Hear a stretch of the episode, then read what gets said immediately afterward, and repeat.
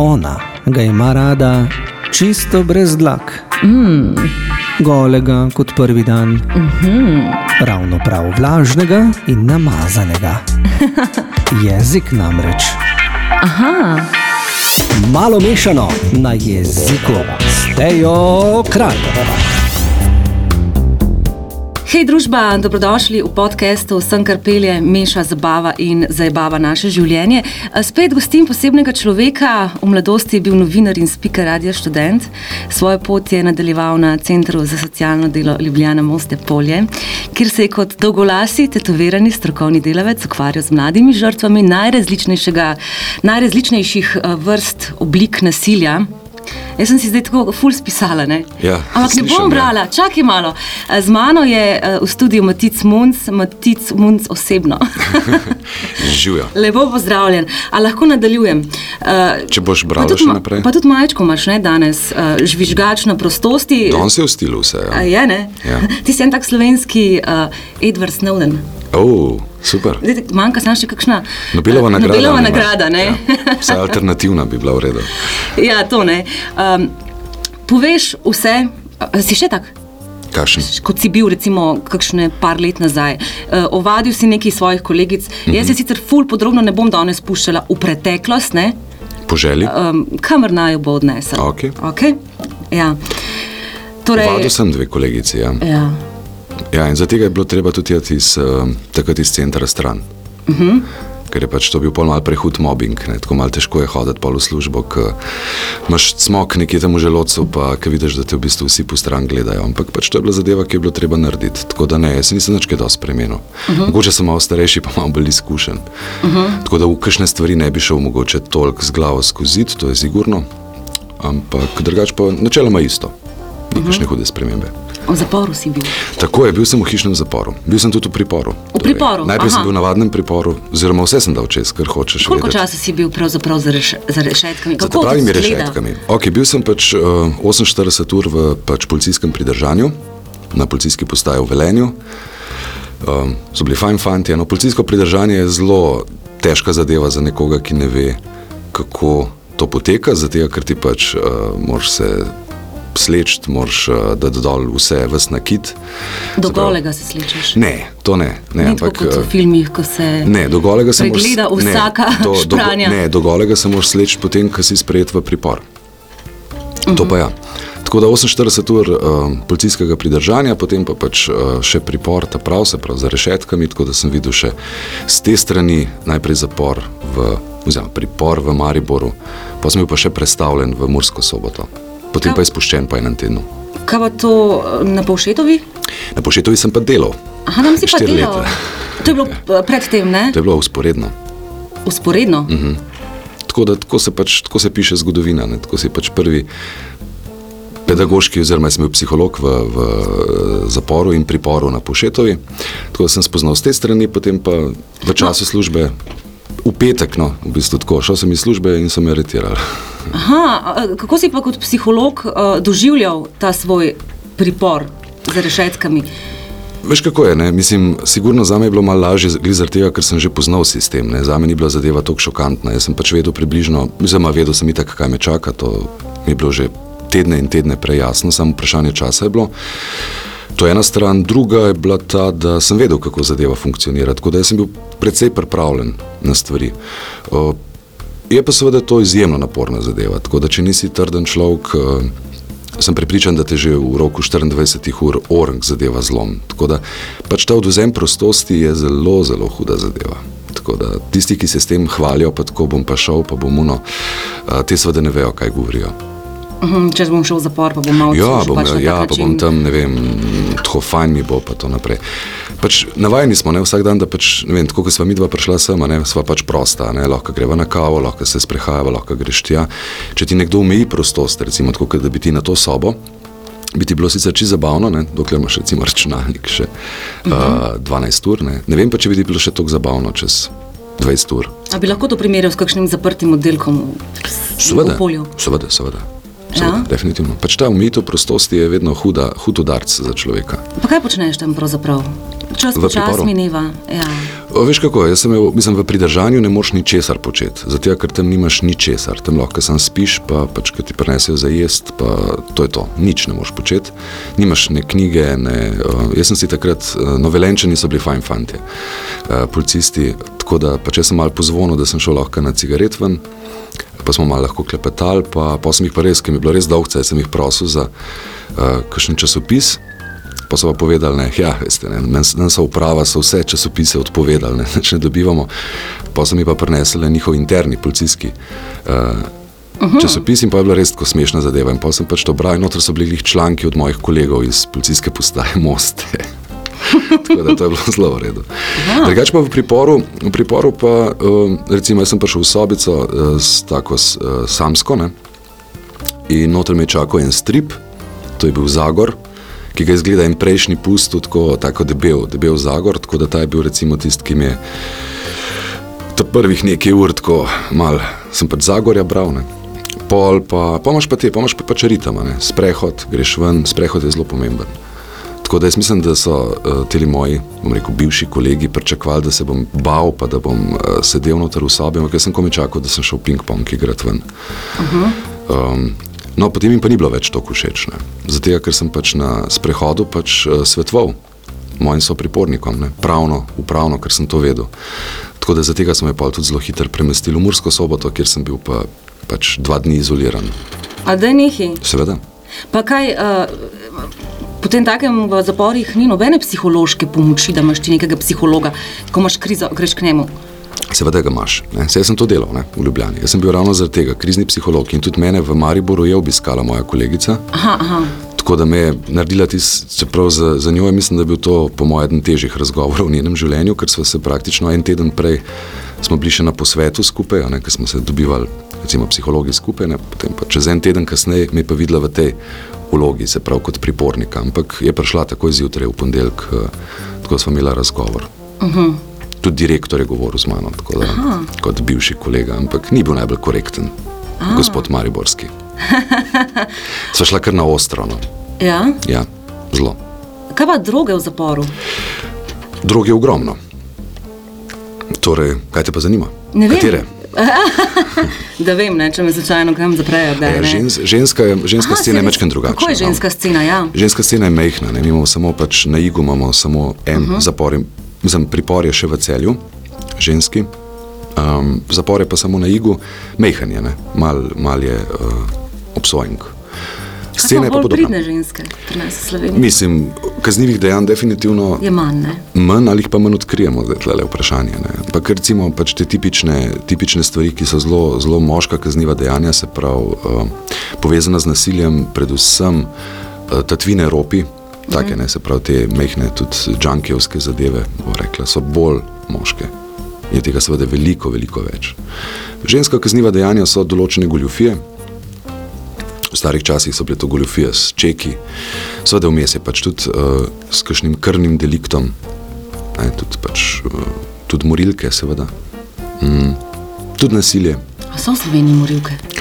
Ja, seveda. Seveda, seveda so. Samo malo, malo se o njih govori, so, malih imamo. Jaz jih osebno nisem, se ti pravim, jaz sem, pač, uh, jaz sem delal s fanti. Sam, kar so pač kolegi povedali z iga, drugač pa ja, seveda. Ne vem, pač še vedno najbolj rekel, razupita je seveda gospa, ki je pač uh, ubila oba dva otroka, ne, ki jih je zadušila. Tako da ona je pač bila zdaj v zadnjem času najbolj razupita ženska obsojenka. Uh -huh. Mm -hmm, tega pa nimaš napisanega, kaj bo pa zdaj? Zelo malo napisanega, ne, ne, počasi, počasi. Mene veliko stvari zanima. Okay, potem pa domači zapor. A zgleda to isto, tako imaš kaj na nogi v krog? To me skoraj vsi sprašujete. Ne, mi nismo tako sodobna država, da bi imeli to. Ne. Uh, nadzirate policija. Aha, te pride obiskat? Ja, pride obiskat. Povabiš noter na kavico? Ja. Ja. V tem primeru je bilo tako, seveda, ker mislim, meni je bilo to, to je bila izjemno smešna situacija. Namreč eh, prej še kot socialni delavec ali pa pač delavec uh, centra za socialno delo sem izjemno veliko sodeloval s to policijsko postajo Moste, ki je tukaj tudi bliznajo. In to so pač enkratni fanti, vedno bili in to pač za me še vedno najboljša policijska postaja v Sloveniji z najboljšo ekipo. In seveda oni so bili tisti, ki so bili zadolženi, da me nadzirajo, kar pomeni, da sem jih poznal, ne, vse. Tako da bile so lušne situacije, no, bile so zelo, recimo za novo leto, eh, se pravi, tega zdaj, glih eno leto bo, Uh, so pač oni tudi na Facebooku objavljali te reveži, ki so pač dobili, so potegnili črnega Petra. To pomeni, da so mogli delati, ne, da so bili dežurni. Kao, ja, jaz sem tudi v dežurstvu. In tako pa sem jim pa jaz kar napisal, pa se lahko prijete mene obiskati, saj ste v roku službe in ste res prišla na kavo. Ne, tako da, um, takih dogodkov je bilo veliko. No. Znači, pa ne, policija te nadzira, uh -huh. prihaja randomly, torej na ključno. Uh, v začetku, se pravi, prve tedne so bili malo bolj uh, striktni, to pomeni, da večkrat na dan. Ne. Bile so tudi take, ne, ob 4 zjutraj um, je bil najbolj tak uh -huh. nenavaden obisk. Ja, ne, se pač 24 ur. S tem, da sem imel pač pravico odhajati v, v, v svojo pisarno. 8 ur na dan, tako da sem imel dve lokaciji, ampak nisem se smel pa nikjer drugje gibati. Si imel točno določeno ja, pot, po kateri greš? Tako, Ker lahko bi te tudi med potjo, recimo. Uh... Ja, lahko bi bilo. Ja. Tako da jaz mislim, ker sem pač mal imel stika tudi z, pač za me bil potem zadolžen um, vodja policijskega okrožja, mojega, so bila kar veliko v stiku, on mi je pač tudi najprej razložil osnovna pravila in me tudi večkrat poklical vmes in mislim, da so ljudje kar klicali, da so me kje videli ne, in da mogoče kršem. Ne. Pač Slovenci smo take radike za cinkarno. A da nehi? Ja, mislim, da je bilo pač nekaj tega, kar je ja. klical, bi rekel, dej, a si pridan. Ne. Ja, sem, kje pa si, jaz sem v pisarni. A, cinkajo. ja, veš, Kaj pa, um, okay, to si pač mogel biti na teh dveh lokacijah. Koliko časa? Devet mesecev? Devet mesecev je bila kazni, potem je pa moja, mač naša čudovita država odpustila cel mesec. Wow. Da sem jih zelo hvaležen. A si? Ja, seveda. Tako nekje v rangu pač odvisnikov in. Aha, aha. Ne, En mesec. Ampak potem, ko si, uh, sem prebrala, ne, ko si potem uh, prvi dan lahko malo skrenil, ne, ko si bil prost, prišel ja. po drugi poti, te kar malo panika. Ja, prvi dan je bil, prvi dan prostosti, bil, imel sem isto tole majico, kot danes, zato sem na te, veš, v tej majici mm. sem šel, to smo pač takrat natiskali. In bilo je veliko dogodkov. No, pač, uh, medijska hiša, za katero tudi pišem, se je odločila, da bo pač pokrila celoti ta dan, tako da smo pač uživo, nismo mogli streamati, ampak uživo so tvitali, kaj se dogaja. In smo imeli pač cel nek tak itinerarij, kam bomo šli. In kar naenkrat sem se znašel najprej na jutranji kavi, čist nekje drugje, to je bilo pri kliničnem centru in dejansko tam je panika uhvatila. No, tako, kaj jaz tukaj počnem? A sem jaz sploh lahko tukaj? Podzavest je. Ja. Pa, pa, recimo, pa je bilo pa spet malo boljš, pa slabš, pa boljš. Pa, tako da trajalo recimo, rečemo, en teden. Nekak, uh, na srečo sem šel tudi na svoj dopust, to pomeni, da tudi v pisarni nisem delal, da smo se res lahko malo sprostili. In, uh, Prelomnica, no, če ti tako povem, je bila pa, pa evo, ker smo bili radijski kolegi, je bila pa v bistvu večerja z dvema radijskima kolegoma, no, tako z, z Željkičem in Petro, ki sta povabila tako čist randomly na eno večerjo ven in sem kar enkrat sred Ljubljane lahko sedel. Se rekel, ok, to je to. Lahko, v redu, dovoljen je. In ti si bil, dejansko tisti dan je bil pol. Takrat sem tisti dan sta ona dva tudi pogruntala, da sem bil izjemno slab. Tako da živčen. Um, nisem vedel, kaj počnem sploh. Te nehi. Psiha je zajebana reč. Da. Ne, pa če bi si človek mislil, vse si doma, vse si v domačem okolju. Ne, ne, ne sploh ne. ne. Sej ni čuda, ne. Doma, domač zapor je za marsikoga celo bolj obremenjujoč. A zate je bil? Jaz ne vem, mislim, za me je bil dač v redu glede mnogih stvari. Imel sem pač dostop do interneta, lahko sem veliko stvari delal na internetu, naučil sem se veliko. Uh, Sveda spal sem v domači posli, bil sem ženo in tako. Nisi imel pa dostopa do, uh, do raznih, da bi ne vem, objavljal na Facebooku? Seveda sem lahko. Vse si lahko. Vse sem lahko. No, tega ne bi imel v zaporu. Razen, če bi bil privilegiran obsojenca. Drugač pa navadni obsojenci, zaporniki nimajo interneta. Ne, tako da recimo za me je to bil velik plus. Bil sem lahko v komunikaciji, nisem mogel nikogar videti, praktično drugega razen mojih strank, pa, pa žene, pa pač po obiske sem imel omejene, ne, tako da družina je lahko prihajala samo ob sobotah dve uri. Aha, stranke pa v pisarno, ne? Ja, osem ur na dan. Do, torej, delal si kot psiholog? Ne, kot psiholog imam pa še zdaj prepoved opravljanja poklica, še dve leti. Ka, zakaj točno? Zaradi kazni, to je znotraj kazni. Vse, mhm. Tako da aha. delam zdaj v bistvu kot izobraževalec, mhm. edukator. Recimo, kaj bi temu rekel? Uh -huh. Izobražujem ljudi za razne stvari, no, ja, ja, za ja. life. Kje imamo ti listke? Ja, tle imamo listke. Klejmava listke, podporna skupina, ne? mulce dol z ulice. Ja, to je ena od stvari. Sam to moš vedeti, da pač zdaj delam sigurno več kot deset različnih projektov. No. Tako da tale tega sem ti prinesel, zato ker je aktualen, zato ker je lušna skupina, od zadnje nas je več, um, zato ker imamo vsi nekak feeling, da je z našimi mladimi predvsej stvari narobe. A je to sam feeling ali dejansko? Ne, dejansko je zelo narobe. Pač v taki družbi živijo da imajo hude, hude, hude pritiske. Uh, da sploh ne govorimo o šoli, pa seveda vse droge, ki so na terenu, uh, seks, okoli seksa imajo cel kup zapletov, uh, samo poškodujejo se. Drugačni so, tako smo bili mi drugačni in se soočajo s totalnimi blokadami, tako da predvsem strani odraslih ne, so nesprejeti. Tako da zato smo se odločili za ta projekt uh, Mulce dal Zulce, ki je pač tako podporna skupina. Recimo dan zvečer se jih dobimo. No. in to je samo za starše? Ne, to je samo za mulce. Zraven pa, ja, svetovanje za starše je pa zraven, torej za starše, ki želijo. Ne, se pravi, skupino imamo za mulce, to pomeni, da se v skupini dobivamo, pa smo, recimo, stva dva odrasla in se pogovarjamo o temah. No, recimo, danes bomo tri filmčke kratke gledali uh, na tematiko predsotkov, um, potem tudi danes bo tudi uh, vožnja pod vplivom alkohola uh -huh. in tako, v redu film. Pa pa debatiramo. Za starše pa seveda, če želijo, je pa možno svetovanje. To pomeni, da. Osebno svetovanje. Uh, ja, tudi ker ne delam tega niti jaz, ampak so še kolegice, pa kolegi, pedagogi, socialna delavka, ena psihologinja. Še. Zakaj pa se recimo kaj tazga, recimo bi šola vzela v svoj reden program take svetovalne oh, ne, dejavnosti? Ja, mislim, no, ker mnogi sploh ne, ne pridajo do tega, ne? Tole bo zdaj, koliko imaš ti cajta? Tole bo dolga zgodba. Če govorimo o Ljubljani, je to tako. V Ljubljani je cela zadeva pač uh, že zdavnej razdeljena, to se pravi, to so feudi, ki jih je razdelil mestna občina Ljubljana ki so financirali tiste programe, ki so pač molo všečni in prijazni in simpatični, seveda našega programa ne bi vzela. Mi se pač prebijamo malo bolj alternativno, to pomeni, da se ponujemo šolam, definitivno, in tudi uh, imamo kar nekaj uspehov. Zdaj za prvo leto, ker smo zdaj, sem še zdaj prestal kazen, to je zdaj tri mesece staro. Uh, tako da se, se individualno dogovarjamo z šolami, ampak uh, smo tako bolj ali manj uspešni. Se pravi, da bi bili pa nacionalno pokriti, pa roko na srce, tam, kjer je moje ime, ta trenutek ni šans. Ne? Na nivoju Ljubljane pa sploh ne. ne jaz nimam velikrat našega župana, velikrat pišemo našem županu Aha. in pri nas je tako, da pač, ker grem jim šerifa, mislim, nič ne grem jim šerifa, tako da tole ne bi šlo jim šerifa. To je nekaj. Seveda. Pa to se rabi, ne? čeprav okay, jaz bi mogoče malo premaknil na letenco, leta tja do 11, ker otroci tako hitro dozorevajo.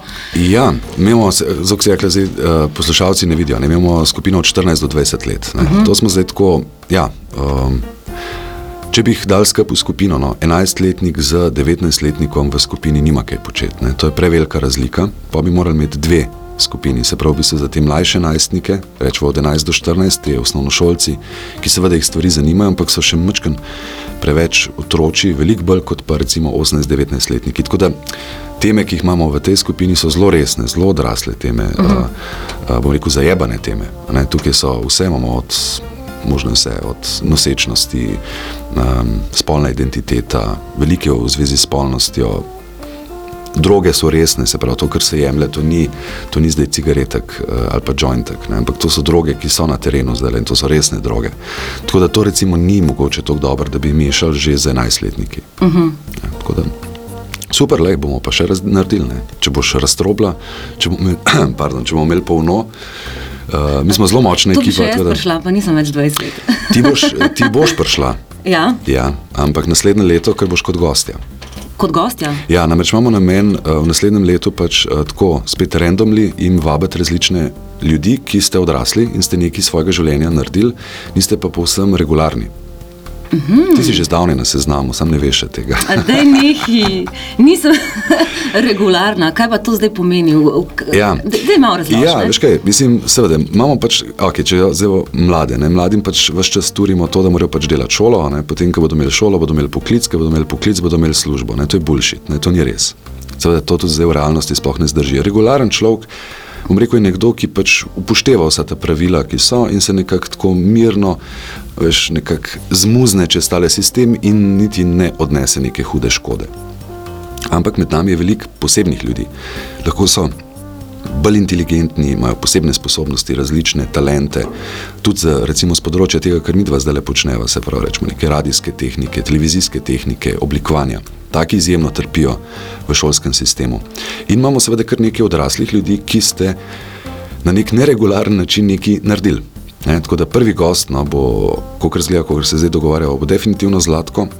Uh, reper Zlatko, zato ker se pač dobro poznava, ker ima vel, velik feeling za delo z ljudmi, ker je dober vzornik, zato ker zna povedati, kako je biti na cesti. On vedno pove, da je on kradel avtoradije. Uh, on je pač bil moj sosed na Fužinah.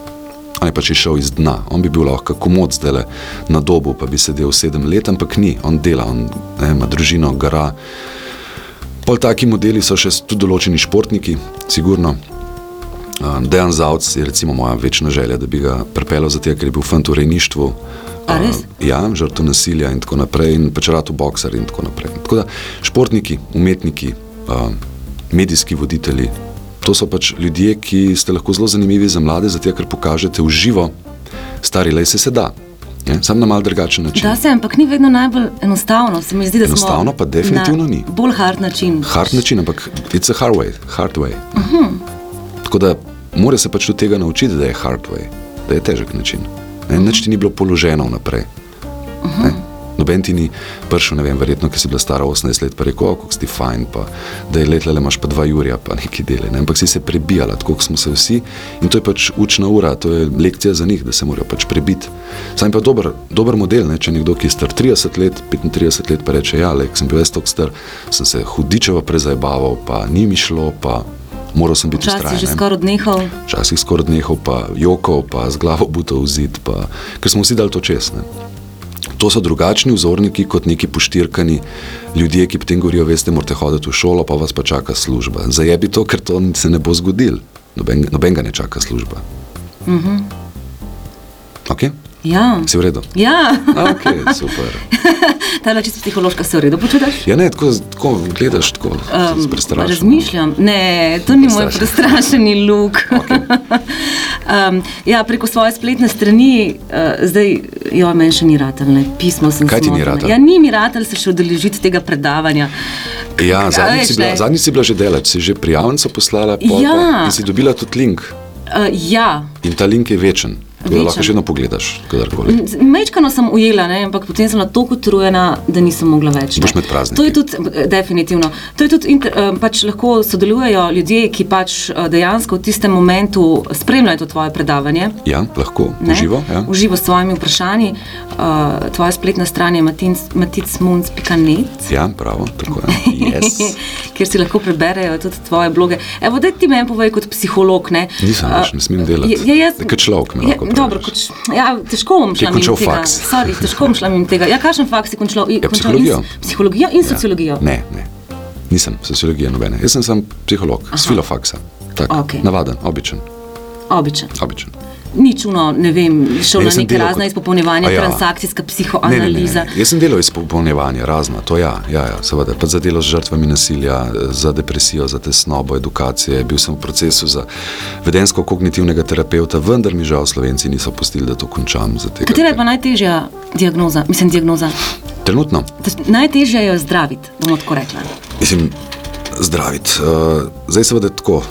Moramo vedeti, da ta ločnica med psihiatri in med psihoterapeuti ja. Je velika. Ne? Se pravi, psihiatri, da pa poenostaviti. Psihiatri načeloma igrajo medikamentozno uh -huh. igro, medtem ko psihoterapeuti, jaz nisem, ne, ker nisem končal, ampak oni to počnejo, ali pa tisti, ki se ukvarjamo z ljudmi, se seveda poskušamo z razgovorom.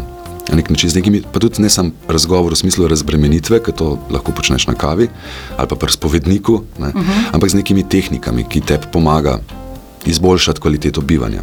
Tehnike, ki so pa mentalne, torej kaj početi s svojimi mislimi. Pri tem, se pravi, če narediva to ločnico, seveda praktično zelo, zelo težko je delati z ljudmi, ki so psihotični, se pravi, ki so duševni bolniki. Medtem ko med vsemi tistimi, ki pa med nama hodijo okoli in so čisto v redu zgledajo, je pa sigurno trenutno najtežja diagnoza mejna osebnostna motnja ali pa borderline.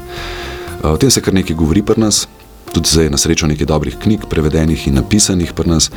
To so pač ljudje, ki živijo uh, običajno življenje, to pomeni, da hodijo v službe, lahko imajo neke socialne stike, pa to je izjemno, izjemno naporna osebnostna motnja za človeka, ki jo doživlja, zato ker ima hude čustvene premike, tobogan, roller coaster. In za obravnavo zelo, zelo težka, dolgotrajna in zahteva enega zelo, zelo motivi, motiviranega človeka, stranko, klienta. Stranka mora biti torej motivirana. Izjemno. Prvič mora vedeti, da, je, da dejansko ima problem, ker pač med nami je veliko osebnostno motenih, ki seveda tega ne vedo. Nekateri celo vodijo našo državo, ni to krasno. Uh, pa vsi vemo, da je nekaj z njimi narobe, ampak pač o tem sam govorimo, pa ne bodo se šli zdraviti. Ja, ja. Ja, sej, torej, vemo vsi. borderline ima itak več, uh, tri ne, uh, pod Ja, te. Uh, ja, ja. Tako da ne zdaj misli, da Janša fuljoka, naprimer. Ne. Pa se Samo, ni, samo, samo ni borderline. Ni kakšna narcisistična motnja. To je pa drugo. Psihopatizm. To je pa drugo. Ne, ker imaš borderline, narcisist, Ja, povezano ni- skupaj. on ni. ni borderline. Ne, kaj pa je on?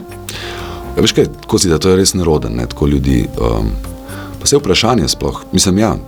A veš, jaz njega tako, um, žal, jaz sem imel enkrat priliko, da bi ga intervjuval. Uh -huh. Jaz sem za eno televizijo, ki je pa propadla in on je bil prvi gost. Mene to je izjemno zanimalo, da bi ga enkrat intervjuval, ker me zanima kot človek. Namreč iz druge, druge roke vem za ljudi, ki se z njim družijo v teh njegovih prostočasnih, zdaj jih nima prostočasnih aktivnosti, recimo eh, iz planinarjenja in tako ga izjemno pohvalijo. Ne, tako da jaz, eh, jaz nimam o njem tako slabega mnenja kot o človeku. Sploh pa ga ne bi, ne bi ga diagnosticiral, sploh ravno zato, ker vem, da je inteligenten in vem, da zna biti zelo ok. Ostale pa pač politična igra, to je pa malo mal drugače. Tako da on meni definitivno ni tisti, ki je najbolj Problematičen. Ne, definitivno ne. A kaj pa Rugal, naprimer? Evo, A, doktor Zdaj Rugal? sem se ga spomnila. Ja. Doktor Rugle, jaz žal eh, nisem? Ne, uh, poznam pa ljudi, ki so z njim delali uh -huh. in je precej podobna zgodba. Izjemno ga pohvalijo kot izjemno topoga, srčnega, prijaznega človeka, zelo sicer odločenega, ampak ga izjemno pohvalijo. In tudi ljudje, ki so bili z njim v osebnem stiku, to pomeni, da so bili pri njemu doma. Namreč, ko je on začenjal, je imel pač kar doma sobo srečanja, uh, takrat za pač, uh, začetki v bistvu anonimnih alkoholikov povedo, da res je bil zelo strikten, ampak zelo topu človek in jim je tudi povedal, da njegova javna podoba je pač igra, ki jo igra. Igra zato, ker pač javnost to sprejema, tako da je bil spreten v tem, definitivno. Se pravi, vsi te, kaj mi že on, ne pizdeki, ampak kaj so že slovenci? Pezdeti. Pezdeti, pezdetki, ne. ne. Pezdeti. To je pač, jaz, kolikor zdaj z neke časovne distance to gledam, je bila to pač ena zelo dobra, malo tudi medijska manipulacija, zato ker je pač s tem razburkal uh, ljudi in na, lahko tudi svoje ideje pač na ta način serviral. Zato ker je pač bil opazen, definitivno je bil pa karizmatična osebnost in, ne. In metoda sama po sebi deluje, njegova za določene ljudi, ni za vsakega. Uh -huh. In tudi sam je, tudi sam je uh, ljudi zelo selekcioniral. Ne. Ne, to niso bile eh, pač te športne zadolžitve. Uh -huh. Ampak to, so, to se pravi, ta socioterapija je bila takrat revolucionarna, še vedno dobra, še vedno tudi zdaj v tem cajtu um, kvalitetna. Vprašanje je seveda, kdo jo izvaja. Ne, žal za njim, kot tako močno osebnostjo, ni ostalo dobrih učencev, oziroma dobra učenka je ostala, torej doktorica Sanja Rozman, vendar uh, v bistvu ona ni bila prava naslednica. Pravi nasledniki njegove linije pa res niso tako ne karizmatični, ne kvalitetni. Perko, ne. naprimer, je njegov naslednik. No, ne? točno o tem govorim. Spoznala je ja, živo. to, to ni to. ne. To, uh -huh. to je daleč od tega, to je zelo slaba kopija. To ni niti kopija, to je uh -huh. des, deset, deset kseroksov. to ni to. ne, tako da. Saj To se doskrat zgodi, po mojem, pri enih. Um, Več v tem projektih, ki jih vodi ena zelo močna oseba, potem pač učenci so malo v senci, težko je nekega naslednika najti. Tako da pač drugega rugla mi nimamo. Kar je pa škoda, glede na to, da smo pač narod pijančkov. Uh -huh. Hudih pijančkov. Hudih, ne? Ja. Ja. Ki se pač ubijamo potem zaradi tega in se vozimo in se zaletavamo in ubijamo ljudi na ta način. Ne. Mi smo pač prepit, ne? prepit narod. In potem se sekirajo zaradi trave, ne? In potem, ja, ja, ravno včeraj smo no, za to socialno delavko, s katero delamo na projektu, sva ravno o tem debatirala. No. Uh, da, če bi pa že morali takole, če bi imela moč recimo izbirati, Ja. bi jaz pač prej dovolil travo, pa prepovedal alkohol. Vem, da tega se ne bo zgodilo. Ne. Zdaj pa jaz so patentirali, ne vem, so v Ameriki ali v Washingtonu, ja, valjda, um, test. Uh, isto kot pač za alkohol, ne? Ja. Eh, da boš pihnil in ti bo pokazal, koliko THC-ja si. Hm, okay. Ja, ne? Ja, super. A Odlično. naši že imajo to. Ja, veš da. uh, torej, kaj, kaj bi ti recimo svetoval ljudem, um, recimo, če, sem, če bi jaz bila depresivna, uh -huh. da grem najprej k psihiatru, ki mi bo itak predpisal takoj tablete, niti ni nujno, da je psihiater, lahko uh -huh. že osebni zdravnik. Osebni zdravnik, piše, ja. Ali bi raje rekel, da je punca mičkan zdrž, pa pet k psihologu in se s psihologom pogovarjaj o zadevah, Veš kaj, prvo vprašanje pri tem bi bilo, koliko globoka je ta depresija. Ne, ker se je to različna globina, se pravi, da je narediti recimo tako poenostavljeno zadevo. Če bi bila to res težka oblika, to pomeni, da se v bistvu ne moš več izposle ostati, da ti res del ničesar ni, da prejokaš cele dneve, da razmišljaš o tem, da si boš vzela življenje, da uh, hujšaš ali pa se rediš, uh, slabo spiš, dremaš, ne moš nikamor, potem definitivno najprej k psihiatru in za tega, da se pač kemično vse tvoje telo mečken stabilizira. Uhum. Če bi šlo na drugem ekstremu za neko blažjo obliko, potem ne rabiš psihiatra, potem rabiš nekoga, s katerim se boš pogovarjala o konkretnih težavah. Sej tudi, če bi imela težjo, bi se morala pogovarjati o konkretnih težavah, samo štart bi bil najprej medikamentozen, zato da ti mečkam kemično neravnovesje, da dobiš voljo do tega, da boš sploh hodila. A verjameš v to kemično neravnovesje? Uh, verjamem v hormonalno. Neravnovesje. Verjamem v, to, okay. pač, verjamem v to, da pač dopamin, serotonin, adrenalin uh, so zelo pomembne snovi v najnem telesu in tudi uh, vem, kako, kaj naredi tvojemu telesu, vem, kaj naredi, ali pa mojemu, ne, kaj naredi košček, ne košček, ampak rečemo pol čokolade, ki pač definitivno uh, vem, kaj naredi cigaret, ki dviguje nivo dopamina. Uh, veš, zdaj, jaz trenutno res ne pijem alkohola, ampak sem ga res veliko prepil v življenju in vem, kakšni so feelingi na alkoholu. Jaz sem veliko trave prekadil, ko sem bil mulj in vem, kakšni vplivi so. Ne, tako da to so. Nisi, nisi padel v kakšen alkoholizem po to? Bil sem zelo na meji na prehodu, veš, kaj sem generacija, ki smo, uh, mi smo maturirali v bistvu leta 91, se pravi, mi smo obljubljena generacija, ne, mi se glih, država se je osamosvojila, bil je cel drek, ne, ker naenkrat vojna, uh, ttt, in potem v ne tako zvane najdaljše počitnice. -huh. ne, smo končali junija, glih, mi smo končali 25. junija, jaz smo šli žurat in naslednji dan je bila vojna, pa je bil tak depresiven julij in avgust, ker se je tako nič ni dogajalo. Pa te dolge počitnice, ki imaš še cel september, ne, pa, pa se upišeš na faks. In mi smo takrat z našo družbo iz uh, gimnazije začeli hoditi samo v en lokal, to je bila Zlata Ladica, ki smo bili vsak dan in mi smo full cache takrat. In mi smo se betonirali, to pomeni, da je bilo pač vodka pivo, vodka pivo, cel dan. In jaz sem bil, ko sem prišel na faks, sem bil. Trd. ne, po treh mesecih sem bil že na meji alkoholika, jaz sem se začenjal že mal trest. Ne. In sem bi že rabo takrat vsak dan alko. Sem ga pa pač pil takrat tri mesece zdržama vsak dan. Da. In takrat sem rekel, zdaj pa stari tako, ne, zdaj ali boš delal faks. Ne, tam je bilo pa vse, pač psihologija je kar dost naporen faks glede časa. Veliko vaj, biti moš veliko prisoten, ne moš ga neki srati, ne moš. Uh, in pa je bilo tako, ali zdaj to ali pa ono. Sem takrat pač začel znižvati, pa smo mi še vedno veliko žurali, samo ne tako intenzivno. Tisti tri meseci so bili pa za me najbolj alkoholični meseci v življenju. Tako da mi smo dejansko vsak dan, ne ob ene treh smo se dobili in smo začeli se betonirati, dokler nas niso iz zlate ladice ven vrgli.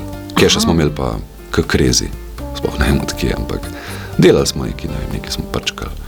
Nič nelegalnega. Pa si se tresel, res začel. Ja, bilo je že bolj. To je pač živno telesno, ne? Ja. Ne nujno, da psihično. Ti si se lahko psihično čisto kaj počutil. Jaz sem se počutil, da best. Sam moj telo je pa že začenjal sporočati, da wow, wow, wow. O, Madonna. Ja, le, bili smo zelo ja, intenzivni. Ja, ja. Ja. Veš, vodka pivo, vodka pivo, vodka pivo. Tako pa jih je pet, šest rukneš. Pa pa še kdo, ki še viski od nekaj prenese. Ne? Mi smo se orang betonirali takrat. Te besede nisem slišala že sto let. Betonirati. Ja, ok, old school. Cool. ne, mi smo temu rekli beton takrat. Ja, sej, glej. Ja. Aha. Um, torej, um, toliko antidepresivih. Aha, smo sploh končali to zgodbo? Ne, nismo, ker sem jaz letela s tem alkoholizmom. No, ne, drugače pa se pravi, če bi šlo pa za neko srednjo ali pa blažjo obliko depresije, pa definitivno bi ti priporočil, da najdeš, se pravi, da je reč tako, zaupanje vredno osebo. Ne? Zdaj, kaj je po profilu, I don't care. Ti moraš s to osebo imeti dober odnos, se pravi, moraš res zaupati, da rečeš, ok, ta oseba je ok. Ponavadi se zbira glede spola in glede starosti. To je osnovna Osnovno vprašanje, ki bi ti rekel, s kom bi se ti raje pogovarjala, žensko ali moškim, in za tvojih let ali starejšim. Ker smo tukaj ljudje zelo, zelo različni. Mm -hmm. Jaz ti lahko zase povem. Če, in jaz mislim, da bom moral še enkrat poiskati tudi še enega terapeuta zase, ker to pač rabiš cel life. Za me so pač tipični starejši moški. Pač, ker sem imel pač ta zjebanga fotra in iščem ta klik. In ta klik jaz mu zaupam. Se pravi, to mora biti gospod z izkušnjami, po možnosti z brado, najbolj da sivo, tak lik, to je meni lik. Uh -huh. um, ženske ste lahko v redu, frendice ali pa ne, ampak ne bi pa kot terapeutke vzel, sploh pa ne svojih let. Svojih let že zaradi tega, ne, ker sem pa sam z nekim znanjem in sem mal. iči, kako se reče. To. Uh -huh. Jaz sem glede tega ne, občutljiv, ne, ne bi zdaj tako ti veš. Ampak ne, nekoga, ki je res pri nas nekaj naredil. Ne, zdaj, lahko pa da si ti drugačna. Ne, bi rekla, ne, jaz bi pa raje, ne vem, žensko mojih let, tako da se da smo bolj. Sem zelo težko je najti uh, sebi primernega. Veš kako je, najde se. Pri nas je dosti ljudi, ki delajo, so kvalitetni, bolj je problem v tem, da so te stvari načeloma samo plačniške. Ja. Ne, se pravi, prek zdravstvenega sistema ne moš pričakovati nekih uh, čudovitih cukrov, dobrih, ampak da se pa, da se pa zbrati. In recimo to bi bil najmen prvi razgovor, bi bil v tem, da bi te vprašal, uh, koga, pa bi ti pa priporočil nekoga. Ne, bi ti dal kontakt, da bi rekel, da je ta le punca ali pa ta fant ali pa ta moški ali pa ta ženska, ta res zna, pet pogled, če ti je to to. Tako da bi te v. Veš, tako, ljudje imamo pač v Sloveniji še vedno tako malo stigmo okoli te psihoterapije, se pravi, da moraš biti orang čuknjen, ne moraš imeti že uno ptičke v glavi, da hodiš na psihoterapijo. Če bi pa mi dva zdaj sedela nekje v L.A.U., bi se pa hvalila, koliko imamo terapeutov, ne, imamo dva, tri, kjer mu še rinko hodiš, ne, tam so status, statusni simbol. Tako je delno tudi recimo v Angliji. Kaj jih imajo tudi poveč, ali kaj? Ne No, hodijo samo zvezdniki, zvezdniki jih imajo več, ja. Aha. Ja, seveda, ker imaš za različne, pač hodiš, Mhm. recimo, dvema, trem, ne. eden za to, eden za uno, za svojega domačega ljubljenčka imaš terapeuta. To veš, verjetno. Ne, Ja, da, veš, ne, to je tudi dobra tržna niša. Pri nas je pa stigma ne, okoli tega, ne, wow, psihoterapeutu hodiš. No, čeprav najna generacija Najna generacija je boljša. vedno boljše Ja. napredujemo. Ja, ne. definitivno. Je pa tudi vedno več teh uh, samo oklicanih terapeutov, ki grejo ja. Na tečaj in Glej, prosti trg je, ne? to je divji Ja. trg. Pač, zato pravim, če bi se mi tako pogovarjal, bi ti jaz rekel nekega zaupanja vredno, kvalitetno osebo bi ti priporočil in bi ti rekel, če boš enega šalabajzerja z interneta snela, rekla, da je tale kar v redu zgleda, rečeš, kaj. Veš, kaj tale pa ni glih, no, tale pa samo klicani, šel je na en vikend tečaj, potem si je pač odprl svojo firmo in se pač oglašuje. Ne, tega je veliko žal, zato ker pač država tega že, koliko časa imamo državo, 23 let, ni uredila, mi nimamo krovnega zakona. Aha, potem ne obstaja kakšna spletna stran, na kateri so. Uh, Aha. lahko. No, bravo, super vprašanje teja. Ne, ni zato, ker smo mi pač taki faušljivci, slovenci. Ne? Če bi bila midva spet na Hrvaškem, uh, jaz sem, mene so pač učile hrvaške profesorice, ki so bile odlične in so nam tudi iskreno povedale. Oni so preživeli vojno. In ko so imeli vojno, se niso mogli več zabavati. Zato, ker si imel vojne veterane, vietnamski sindrom, uh, ljudi, ki, sem, ne vem, ki je nekdo umrl, sirote in tako naprej. Kar pomeni, da so se mogli strokovnjaki izjemno hitro organizirati, pa reči, je zadeva je taka, da jim si pomagati. Ker pomeni, da ti si ene šole, jaz sem ene šole, če jaz ne zmorem, te prepošljem. In oni so se organizirali in imajo močne mreže vseh teh šol. Medtem ko v Sloveniji pa pač vsak obdeluje svoj vrtiček in moj vrtiček je lepši kot tvoj vrtiček in jaz ne bom. Tako da ne, mi nimamo niti ene spletne strani, ki bi različnih šol združevali. Je bilo veliko poskusov, tudi uh, mnoge študentke recimo vedo, da je to potrebno, pa se zagonijo v to, pa se pa zabijajo v zid. Pač ponavadi enih zelo močnih in napihnjenih slovenskih egotov, ki potem veš, da to pa mene ne zanima. Je pa huda potreba. No, tako da, recimo, je en seznam, bom rekel, še najboljši, ki ga jaz tudi včasih um, posredujem, je na Društvu za depresivno in anksiozno motno, DAM. Oni imajo na svoji spletni strani en tak zelo prečiščen, dober seznam kvalitetnih terapeutov. To je tudi tako, je ta forum, ne, ne Ja. boste pika si. Tako, ne bojo se mm. pikasi. Oni, so, oni res kvalitetno delajo, so pač nacionalno društvo za depresivno in anksiozno motno, tako da oni so kul. Cool. Uh -huh. In te pravi, recimo, ne, spet, ki si to rekla, če bi bila, recimo, da je rekla, joj, pa ne vem, če bi to, potem bi ti jaz rekel, veš kaj, te pet na samo pomočno skupino od Dama. Pet na easy, tja, tam ni treba nič govoriti, prideš v pač to je ono, ne, Dear John varianta, uh -huh. uh, ampak samo za depresivno in anksiozno, le petke za stonje, pet mal poviset, termini so vsi objavljeni na internetu, ne rabiš se nič najaviti, se sam pojaviš, tam se usedeš, tih si eno uro, ne rabiš, ali pa poveš. Ne. Noben te ne bo, noben te ne bo pušal, da moš, nekdo ste pa vi, noben te ne bo dal na vroči stol ali pa kaj takega. Pa vidiš, če ti to paše in nekaterim izjemno pomaga obiskovanje samo pomočne skupine, ker spoznajo ljudi s podobnimi težavami in pa tudi malce neformalno lahko družijo. Tako da danes smo tretjega, no, uh -huh. Čez deset dni gremo na novoletno zabavo od Dama. Ne, recimo take stvari organizirajo novoletno zabavo za vse, ki hodijo iz cele Slovenije. Aha. Tako da je tudi ta socialni vidik. Ka, kakšen je pa občutek med temi ljudmi? Um, je kaj drugače, so bolj odprti, oziroma zim odprti. Ja, Le gre za tukaj eno tako področje, ki ga pač človek skriva. ja. No, mislim, veš, kaj odprtost ne pride kar samo od sebe. Uh -huh. Zato sem rekel, da se ljudje tudi doskrat, ko se udeležijo, najprej so pač ne vem, dve, tri seanse ali pa te srečanja so pač tih, pa opazujejo. Da bi se ljudje zdaj tam kar ne vem kako odpirali, spet nekako tudi v našem nacionalnem karakterju, ravno nino, da bi se, uh -huh. ne da bi prišel. Meni so tukaj američani čudoviti, glede tega, jaz sem brat američane, uh -huh. z tega vidika, človeškega, oni so odprti ljudje. Uh, mi smo američanko tukaj na obisku ki je pač sama um, preživela spolno zlorabo in je takoj na okrogli mizi, ona je vstala in prva povedala: I'm a survivor of sexual abuse, this is my story. In je pač odprla slovence takoj, da so pač tudi ostali začeli govoriti. Ne. Ona pač to dela, ta odprtost. Ne. Tega mi nimamo toliko. Ne, nimamo, ne? Ne, ne.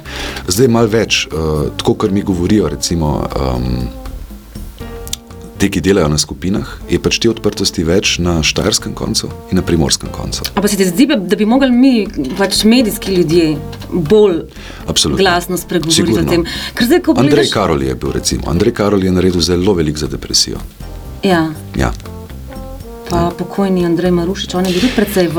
Ampak on je bil pač zdravnik. On je bil zdravnik, on je, on je bil, on je bil pač, on je bil taka karizmatična osebnost, ki je naredil ogromno in žal nas prezgodaj zapustil. Andrej ja. je bil čudovit človek, ja. Z velikim tačem. No, so pa tudi še vedno nekateri dobri strokovnjaki. Tudi, uh, Pri nas je recimo, zelo rad poslušam uh, dr. Mojco uh, Zvezdano Drnovšek, ki je, je tudi mene učila, kako delati z depresivnimi. Ona dela ogromno ne, na tem področju in je zelo aktivna, zelo proaktivna uh -huh. in mhm. tako naprej.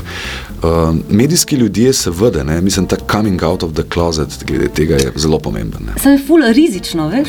Seveda je rizično. Ja. Ampak pač. Ker si ti hitro kakšna vrata, ki zaprejo, ne? ker si ti, aha, ja. ti si pa mal nor.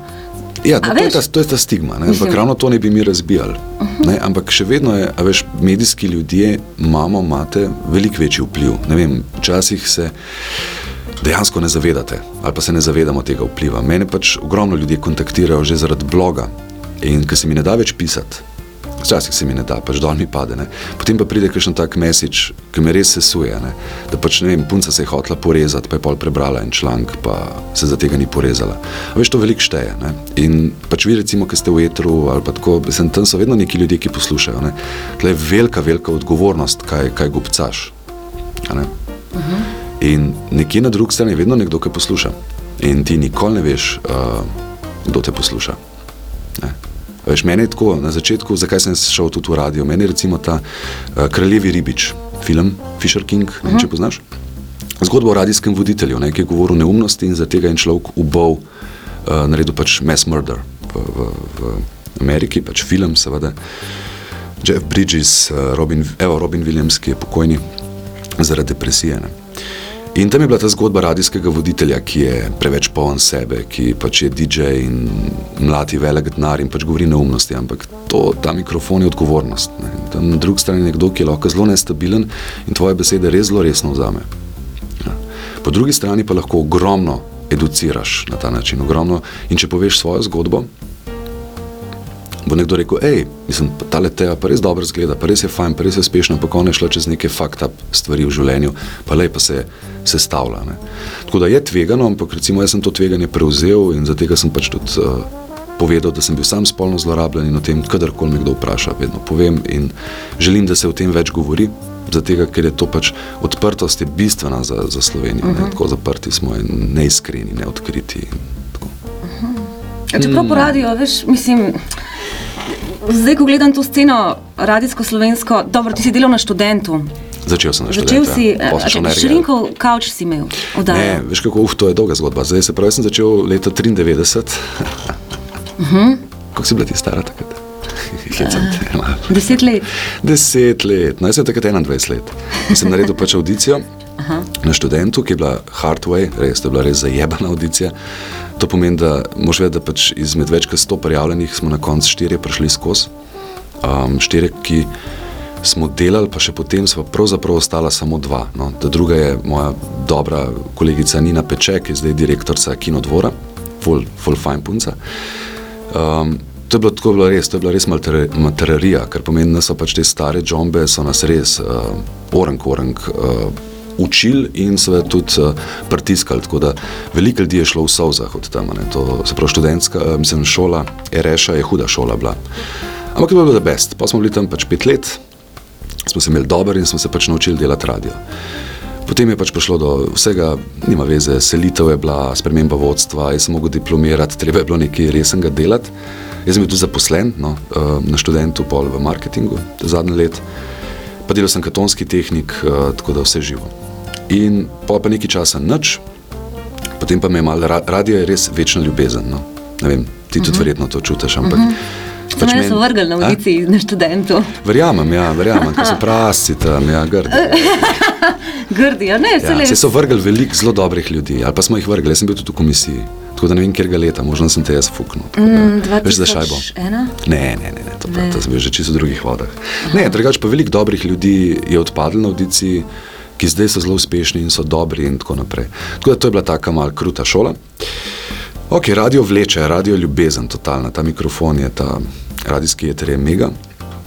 Tako da pol par let, ko sem se rekel, jaz bi šel spet nazaj, jaz bi šel spet nazaj. Uh mhm. -huh. In takrat smo ravno poslovno začela sodelovati, uh, ker sem delal v filmski distribuciji. Sva sodelovala s Tjašo Vrhovnik, uh, ki sploh nisem vedel, da je takrat ona voditeljica na RGL-u, jaz RGL-a takrat sploh nisem poslušal. In pol malo beseda da beseda, tako, a se da kaj, a se da kaj tam dobiti, ja, le, se boš z urednico pogovoril.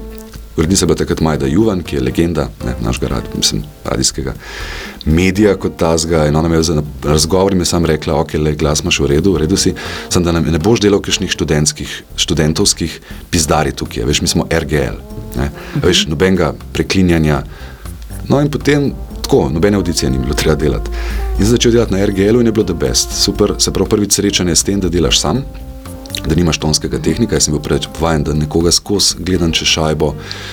Smo, smo mi ogromno komunicirali. Ne. Tukaj je bila pač ta stil, ki ga je študent fura, je bil vedno v tem, da sodeluješ z tehnikom, njega mal podjebavaš, njega provociraš, on tebe provociraš džingli ali pa ti sklapla mikrofon, ti luč. Tako, igrali smo se. Ne. To je bilo drugače, to je bilo pač le resen radio, radio glas Ljubljane.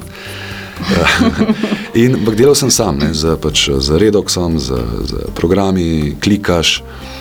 In tako, pol, in tam je bilo zelo fajn, zelo, ker, ker naenkrat ni bilo več noben, tudi ni bilo neke hude uredniške politike, uh -huh. ker pomeni, da se je dal kar naenkrat vse po svoje narediti. Uh, jaz sem pol podedoval eno oddajo uh, o balkanski, recimo o jugomuski, od kolegice, ki se je kar izselila v Avstralijo, ona je bila takrat medicinska sestra, ki je rekla, ko vas jebe tukaj, jaz grem v Avstralijo, pametna punca je šla že takrat. Pa sem to oddajo nekako podedval, mm, pa sem si pa v svojih terminih začel pa kar v bistvu musko, ki so jo glasbeni uredniki uh, notdajali, sem jo ven brisal, pa sem svojo musko. Tako sem začel full metala vrteti, pa težkega roka, kar naenkrat. In noben, noben mi ni nič rekel, jaz sem čakal, kdaj mi bo kdo zapizdil, ker sem pač celo playlisto, recimo, sem prišel, sem vse zbrisal in sem začel, sem začel, ne vem, z metaliko, eh, tako da si odprem termin, pa smo šli pa pač v kse, di prple, ker koliko je bila baza, eh, glasbena RGL ogromna, ne, res velika. In vse se je dal naklikati, ne, to je bilo ne, če ne uh -huh. treba fonoteko je tiskati, samo klikal se. Ne. Potem iz tega ven je prišla pač ena tako, kot češ, malo improvizirana oddaja za mlade slovenske bende da so pač prišli v studio, da so lahko kaj mal uh, povedali, ne, ne odšpilali, ampak da so pač prenesli plato. Pa smo iz tega smo nekaj improvizirali, spet nobeni nič rekel. Ne, ne vem, nikoli ni urednica rekla, hej, Matic, a lahko nehaš to delati. Noben pa tudi ni rekel, hej, to je pa super, kar delaš. Ne, tako pustili so nas, ne, mi smo bili zelo, kot voditelji, precej samostojni. No, tako da, um, tako, pol je prišlo pa spet do menjave vodstva in potem smo mi kar družno takrat odšli naenkrat, mislim, da je takrat celotna voditeljska ekipa praktično dala odpoved. Um, mislim, da pač smo videli, da v tistem RGL se pač uničil, RGL ni bilo več. Ker nas je tako, jaz sem takrat postal kar dost pripaden tudi temu radiju, moram reči. Nisem vedel, da bom kdaj, ampak se mi je zdelo tako, ma kul je, kul je bilo. Ne? Pa dobro, zraven so bili Salomončki, pa bil je zraven Veseljak, pa bila je dobra medijska hiša, no, smo se ekipo, mak takrat, bilo je kar tako pestro, no, luštno je bilo zadelati. Vsi na kupu smo bili, ne? A? Vsi na kupu smo bili. na kupu, ja. No, potem pa ta menjava, fak, pa pa spet, ok, nobenega radia, no pa je prišlo pa pač to povabilo z Ekspresa, ki se je začenjal takrat, ki je pač, uh, pač Željkič me takrat, res, ja nisva, to je ful zanimivo, no, Željkič je zdaj moj dober prijatelj, ga imam blazno rad, fuloredu človek. Uh, mi se pa na RGL-u absolutno nismo razumeli, to je bilo ful smešno. Mi smo si termine menjali ob sobotah, se pravi, jaz sem končal, on je začenjal, mi se tudi pozdravljali. A res, ali ja. kaj? Oni tako vedno zamujajo ali pa prehajal minuto do. In jaz sem šel ven čez una drsna vrata, on je šel not tudi, ne vem, če smo si živo rekli, ni bilo niti. Tako da, pizda, kva on mene zdaj kliče, on me je klical in me je povabil na kavo in mi rekel, lej, ful si v redu, da gremo na nov projekt, gremo Radio Express in pa smo bili pač v tej prvi ekipi in je bilo spet dve leti fulušten. Pa je bilo ratalo vsega tega preveč, uh, ker sem imel pač, to, imel sem pač službo, to, kar si prej omenila, center za socialno delo, mm -hmm. plus začenjal sem privatno delati pa še sobote, pa nedelje skozi na radio. Tako da to je bilo pol, enostavno je bilo pol odločitev, le nečemu se je treba odpovedati uh, in pojte takrat radio šel. Potem je pa še lepa pa spet povratek nazaj na študenta z tem šrinkovim kavčem. Pač, uh, to je lepo pogovorno, da kaj ste lahko klicali v eter. Ja, ja, pa so dejansko klicali. Ja, ja, ful je bilo veselo. Ja. Pa manjka, se mi zdi, tega uradnega prostora. Seveda, bilo je, bilo, je pač, bilo je pa tisto, kar jaz sem si kot pač mlad radic vedno želel to. Nočen termin, valjda, ne, night hawk nočen termin, talk radio, se pravi, da govoriš, vmes daš musko in da imaš odprte telefone. To se meni zdi najboljša oblika še vedno klasičnega radia in vsi, ki zdaj delajo, mi rečejo, da sem pač profuknen. Ker tega dejansko ni. Je, na, je na Radio Slovenije pač, ne, nočni program je točno tako narejen. Ja. Nočni program ja. je meni zelo všeč. Uh mhm. -huh. Dve uri, tako kot mi dva zdaj delava. Uh -huh. ti, ti nimaš le nobene Mislim, imaš časovno omejitev, ampak vse veš, da na komercialnem radiju ti ne bi mogla tako. Mm -mm. Ne bi že programski ne. direktor bi že na šipi visel že pred pol ure, pa bi rekel, da lahko nehata. Ne. Tako da ta čas med, ja, klicev je bilo, bile so, ful je bilo v redu. Dejansko so ljudje govorili o svojih težavah. Tudi ja. Mhm, tudi. Zelo, pa imel sem vedno kakšne goste, no, tako da imel sem, ne vem, Janja Kovačiča, celo, evo, spet Željkiča sem povabil, tudi uh -huh. kot mhm. nekega radica, um, pol Miho Šaleharja, toplovodarja, pa razne ljudi, no, razne ljudi, recimo Romkinjo, ki uh, je napisala knjigo v romskem jeziku, pol ljudi, ki se ukvarjajo z pet terapijo, se pravi terapijo živalmi, goste sem imel ali pa nisem imel gostov. Tako da telefoni so bili odprti, eno uro je bilo super. To, to je pa tisto, ko si res redaktor lastne oddaje, narediš musko. Kaj pa, da, da če bi imel eno tako oddajo, kot si bil Fraser, naprimer? Ja, ja, ja. To, meni, ta tip, ta tip, je bila, to je bila v bistvu ideja, veš, se tako je na študentu prišlo. Takratni vodja marketinga, Igor, se ga je mal nabutal na eni žurki in je bil mal, mal je bil vesel in je bil mal poln idej. In ker je bil marketingar, so mu ideje kar špricale. Ne? Rekel, hej, dajmo narediti mi Fraserja na, na, na radio, dajmo poklicati Matica in tako je nastal šrinkov kavč. On je mene pa poklical in tako, nas, tako je bilo točno iz tega ven to prišlo, ja, ta ideja. Ja. Ja, ali pa ta, kaj že od opre, ta uh, doktor Phil. ja. ja, to, to, ne, to, to sam narediti pač na alter način, no, na mal drugačen. Tako da to je bila osnovna ideja, bi ti imel to. Pa spet je laufal dve leti, vendar potem pa mislim, da v spet v uredniški ekipi nekako ni bilo. Mislim, da ta kor ekipa študenta je bila izjemno proti tej oddaji. No. Uh mhm. -huh. pač, Kaj pa da bi to delal na kakšni komercialni radijski postaji? Če bi kdo povabil z veseljem, uh mhm. -huh. samo povabiti mora. Vemo pa, da komercialni radiji imajo zelo pač svojo pač strukturo, ker velja, da pač pogovor, ta govor, ki ga mi dva zdaj le furava, da ljudi mori. Ne, da mora biti muska, muska, muska, moraš imeti 30 sekund ne upade in tako naprej. Lej, če pa kdaj spoznaš kakšnega programskega direktorja, lastnika, ki podpira eno urno oddajo, pa z veseljem vedno. Kako pa bi se znašel v tem sistemu? Ja? Um, show opener, full kratek. Bam, Jaz sem delal to. Jaz sem delal dve leti na Expressu, mislim, da je show opener. Ja. No, ampak 30 na, recimo, sekund, vse napisano. Uh, I know the system. vem, vem, vem, ampak veš, kako sem se jaz delal? 16 let na radiju, ja. s prstanki. Ne? In ko sem uh, delala sedem let na Radio Center, sem se zadnja leta začela že tako počutiti, kot da sem samo ena prodajalka. Ja. A veš? Ja. Ker dejansko to je komercialni ja. radio. Ti prodajaš nagradne igre, ja. um, oglaševalce. Ja. Ampak to je bilo pra praktično vsak vhod. Ja, v tem prodaji to, v tem ja, prodaji to. Seveda. Jaz te ne vidim to? v tem. Veš kako je? Ne, Dobar, kreativen sej, si, sej tukaj ja, moraš biti kreativen. Moraš biti tudi kreativen, ja. Mislim, tle so bile skozi boji, ne, sej, um, mislim, recimo, na Expressu smo se veliko o tem pogovarjali. Seveda, pač ideja je v tem, da pač se ljudje dobro počutijo. Ne, tisti poslušalci, pravi, narediš jim pač good spirit, pozitivno neko. To, to je nesporno in jaz tukaj nimam nobenih težav, da pač nekomu rečeš: Dobro jutro in kako ste danes, ste ostali, ste prvo kavo že spili in sedaj za vas Madonna in Like a Virgin. Ni problema. Uh -huh. Zdaj, ker so ljudje pač veseli tega. Um, je pa seveda potem notranje te pa začne malo najedati, ne, v bistvu, ne, rad bi pa nekaj več nekaj več. In tako takih možnosti, se pravi, ta več, da lahko res kreativo daš, je pa včasih zelo malo. Tako da, ne vem, meni žal je to, da moram to reči, ker je pač bil tragičen dogodek, ampak recimo, ko je pač pokojni uh, predsednik Drnovšek umrl, uh, smo prvič naredili takrat na Expressu, se pravi, da je bilo kar enkrat se je bil program neformalen, kar pomeni, da lahko naredimo tisto nedeljo. Um, Dogodek, se pravi, da pač posvetimo to dr. Drnovšku in da smo lahko in smo zorganizirali se pravi njegovo, pač, njegovo sodelavko, da je prišla v živo delati intervju na Express. In smo bili prvi. Ne? In to je meni novinarsko delo, to je ono tako, wow. Ne, ne pač, ok, show openeri, um, teaserji in tako naprej so pač potrebni, ok, so pač neki, ampak ne vem, meni se zdi pač ta tudi mal improvizacijski, seveda, vidik radia, ne, pač to, kar je vse napisano. Ok, se lahko preberem, jaz lahko zelo dobro preberem, brez skrbi. Jaz lahko ti berem ure in ure in mi lahko napišeš čudovite stvari in bom znal prebrati, ker sem streniran v nulo, ampak uh, moj srce ni glih čistam. Ne.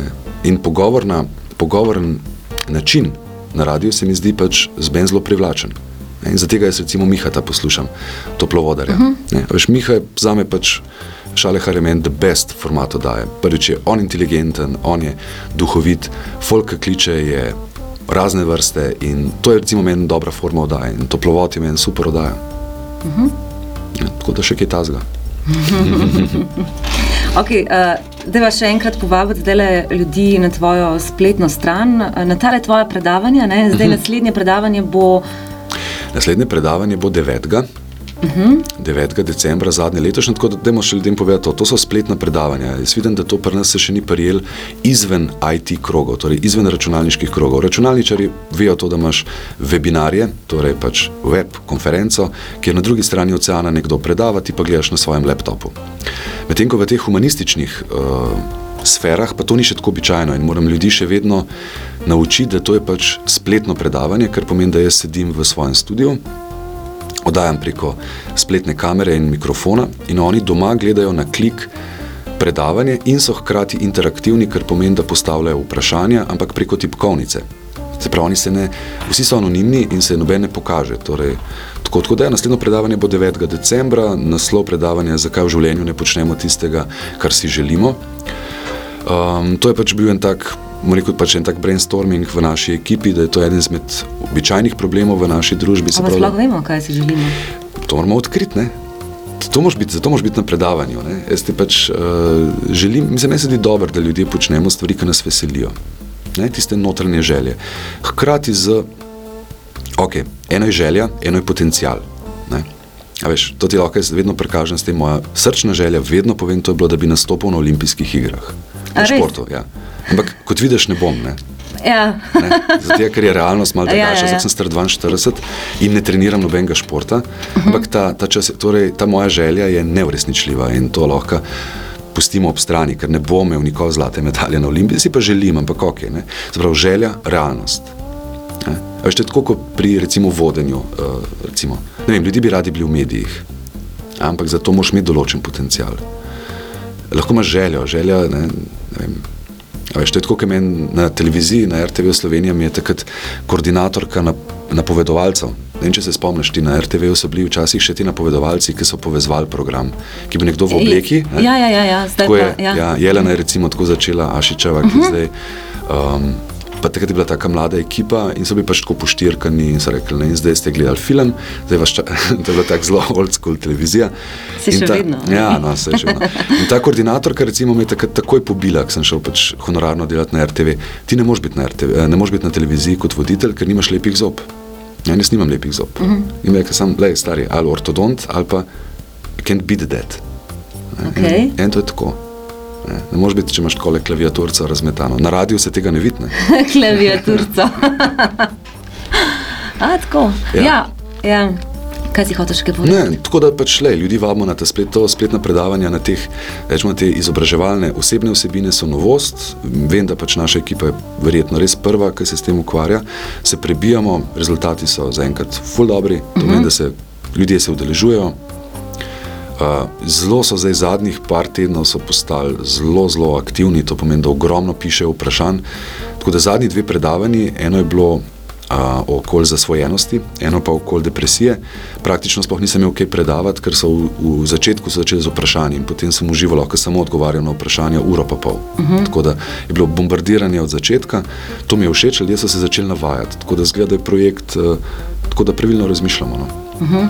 Je pa še nadgradnja tega, to, pa, uh, to je pa projekt Pacijenti, ta pa še ni bil uresničen čist. Projekt Pacijenti je pa uživo preko weba v živo dvogovor z eno zanimivo osebo. Uh -huh. Razumeš? Uh -huh. No, in tam si tudi na tem seznamu. A to je ta? Ne, ja, to je pa še. Ali še en seznam? Ja, tudi na tem seznamu si. Se pravi, to pomeni, da si ti nekje doma preko svoje web kamere, jaz sem doma in mi dva to streamava na YouTube. In se pogovarjava o življenju, kaj počneš in tako naprej. To so pacijenti, to bo projekt, ki upam, da ga bomo speljali 2015, se pravi za zanimivimi slovenci, uh -huh. ki nekaj počnejo. Uživo debata preko web kamere, vse na webu, vse uživo, vse odprto. Moram verjeti, ali sem zanimiva slovenka. Definitivno, da si. Ja. No, to pa. Um, ja. ja, si si. Lepa pohvala. Ja, nisi. Ja. A ti sebe nimaš za zanimivo? ja, bo. Ja. Jaz sem Mislim, si. Veš, ja. uh, zdaj tako. Zanimivih slovencev je veliko, uh -huh. ampak je pa tudi uh, ta mehen prostor, se pravi, ko so neke pogovorne oddaje, neki Marioti ali ne vem kaj, se pač tako vedno vab ene in iste modele. Meni so zanimivi, ali pa ste zanimivi tisti, ki niste tako močno izpostavljeni. Ne? A veš, da ti lahko tako rečem, recimo Darko Nikolovski, reper, je znana oseba, je nekam, ampak ni na polno. Ok, Jadranka, Jadranka Jura se je zdaj naredila tudi velik preboj s tem, ki je bila v komisiji, ko se mi zdi dobra odločitev za njo, ampak ona je dejansko dobra pevka, pa zanimiva borka za, za pravice živali, pa ni zdaj tista ultrazvezdnica. Razumeš? Uh -huh. Pri nas je dosti, se mi zdi, da pa se vrtijo ene in iste face. Pa potem jih še polovica sploh ne poznaš, kot praviš, Ja. da vijo novo. Ne? Ja, Oziroma, veš, to, pač- to je recimo, jaz ne poznam nikogar več, ker jaz berem drugače na kavi, pa nas v Fužinah imamo mi dva z ženo ritual, da če greva na kavo, vedno bereva trač revije in vedno je pa tisto, ki je na sceni. Pa kdo hudiče je pa ta, ta debil tukaj, ta, ta lepotan tukaj, kdo so to? To so ti ženski, ja. to ne poznamo. Ne? Revem, veš, tako kot zdaj, recimo, če, veš, rata je kratko, mislim, tako šlampasti smo, ne, ne vem, ki je neki v zvezi s šolstvom, se pokliče ravnatelja Merca. What the fuck, tega tipa smo že stokrat slišali, dolgočasen je, vedno se ponavlja. V šolstvu je veliko dobrih perfoksov, perfoksing, ki imajo kaj zapovedati. Take bi jaz rad vam potegnil, to so zame pacijenti. Štekaš, ne? Ja, ja. ki so nekaj naredili, niso pa uno, tadam. Ne. Isto so mi zelo zanimivi blogeri. Uh -huh. uh, z naše blog scene, se pravi, uh, recimo, ful me zanima Hat, uh, Roni, no, uh, človek, ki verjetno je najbolj uspešnih blogerjev pri nas. Um, zanimivi, zanimivi, zanimivi so mi ja, ljudje, ki pišejo na netu, ki so ratali v bistvu uh, one-man band mediji. Veš, in tle si to pač padeš poltine, se delava podcasta. Ne. Sam je res, ne? Ja, Ja. ne. Ne, pa, ne pa te neke, neke frizurce, pa neke face, ki se tam kažejo na tistih pasih procesijah. ne. To, je, to so dejansko pasje procesije, ki pač greš tam, ki veš, da te bodo pač uni iz tabloida pofotkali, pa se pa pač golden smile tja. Pa. In to je naša starleta. Starleta ni fucking nič naredila v tem življenju. Ona je pač sam lepa, pa se pač postavlja tam, kam ima pač sponzorje zraven. To je fakt. Sam se pa prodajajo s to svojo I don't lepoto. give a ne. Da mi nohte, to da mi lase, da mi To, make-up. to, kaj se prodaja, mene pač ne briga. Mene ta, ta vidik, kaj se prodaja, me, mene zanima, kaj je vsebina.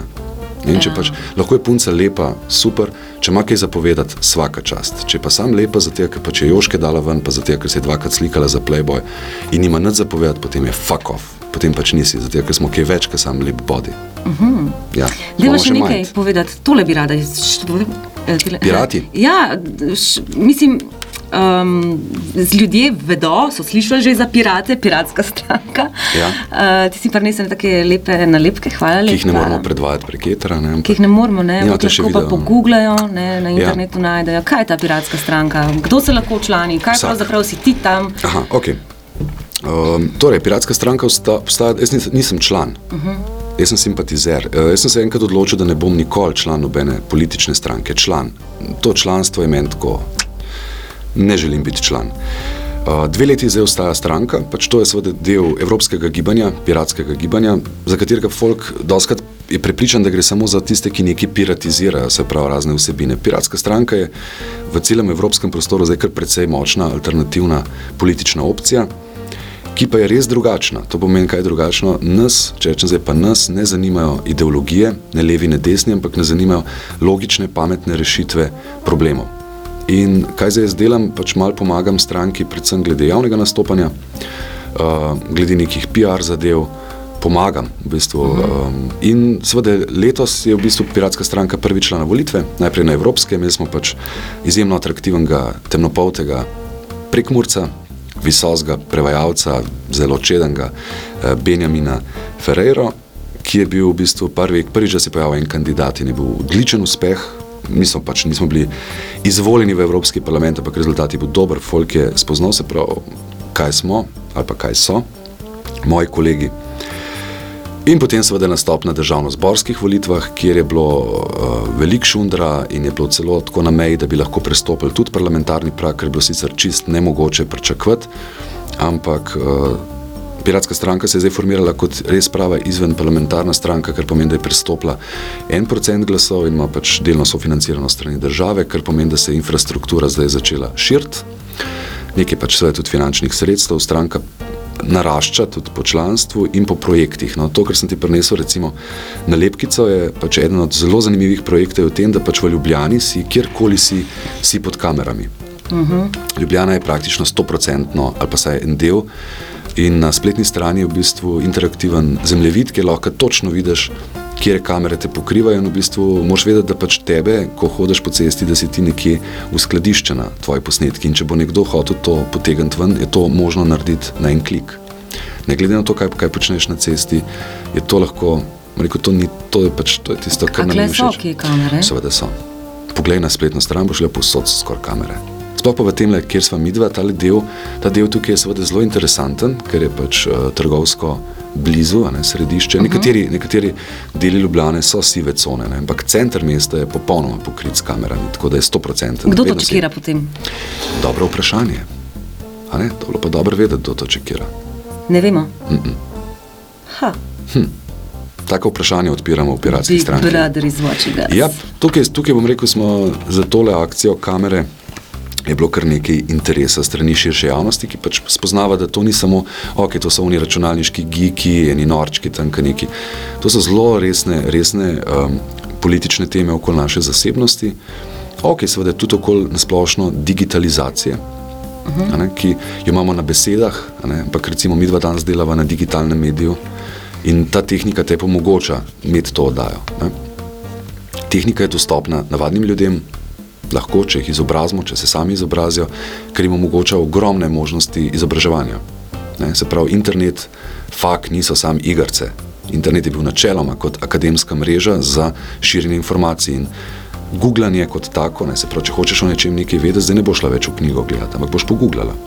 Ampak Wikipedia je en medij, ki je tako, tako, boš narediti research, moš pogledati nekaj in uh, vidim, da ljudje zelo, zelo internet uporabljajo, zelo me, mislim, vsi ga skoraj uporabljamo, uporabljamo ga pa omejeno.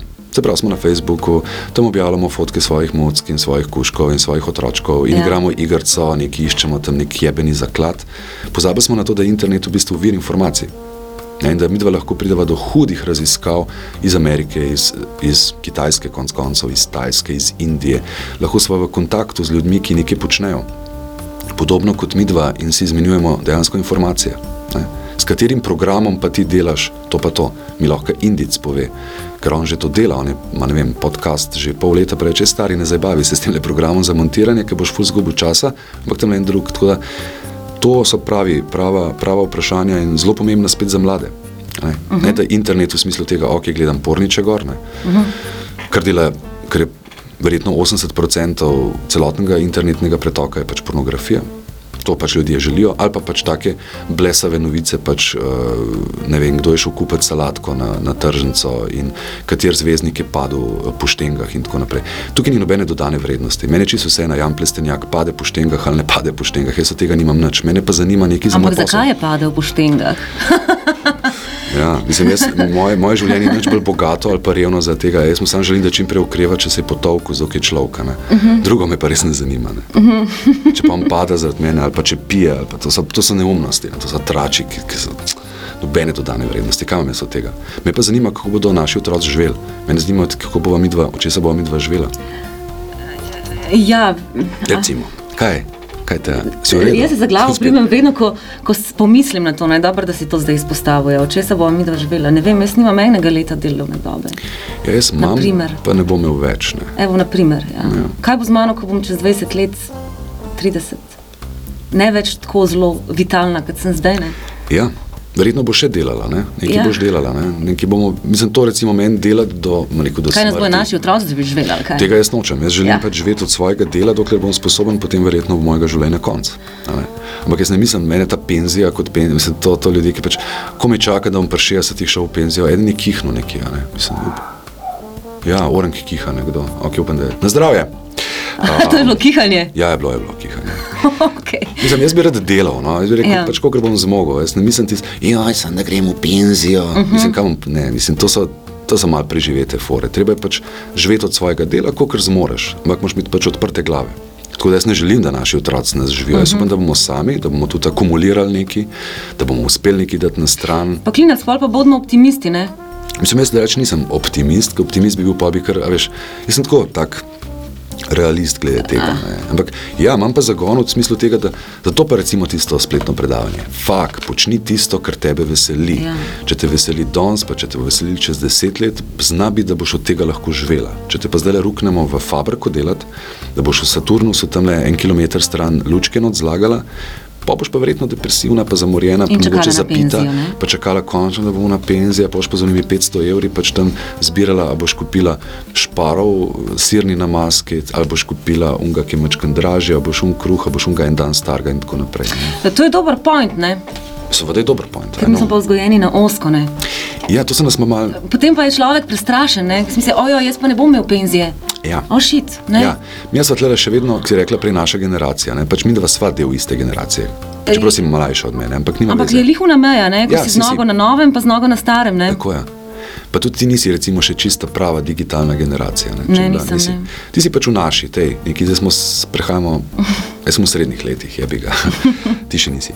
Ampak smo tukaj generacijsko in mi smo pač vzgojeni kot to osko, pa še vedno v tem sistemu. Se pravi, ti hodi v šolo, uh, pelj v službo in pa boš imela penzijo. Ta sistem je adijo. Ja, mimo, ja. Ja, mi, mi se moramo mogoče bolj prilagoditi, ti mladi pa že to veliko bolj vejo. In to je to. Ne? Ne, tako, tako da bova čičala nekje pa čakala, uh, ne, ne bo nič. Treba je migati, treba je nekaj delati, treba je svoje delati za preživetje, pa še malo več, pa kaj akumulirati. Uh, pa pa spet vprašanje, kaj bodo pa ti naši otroci delali.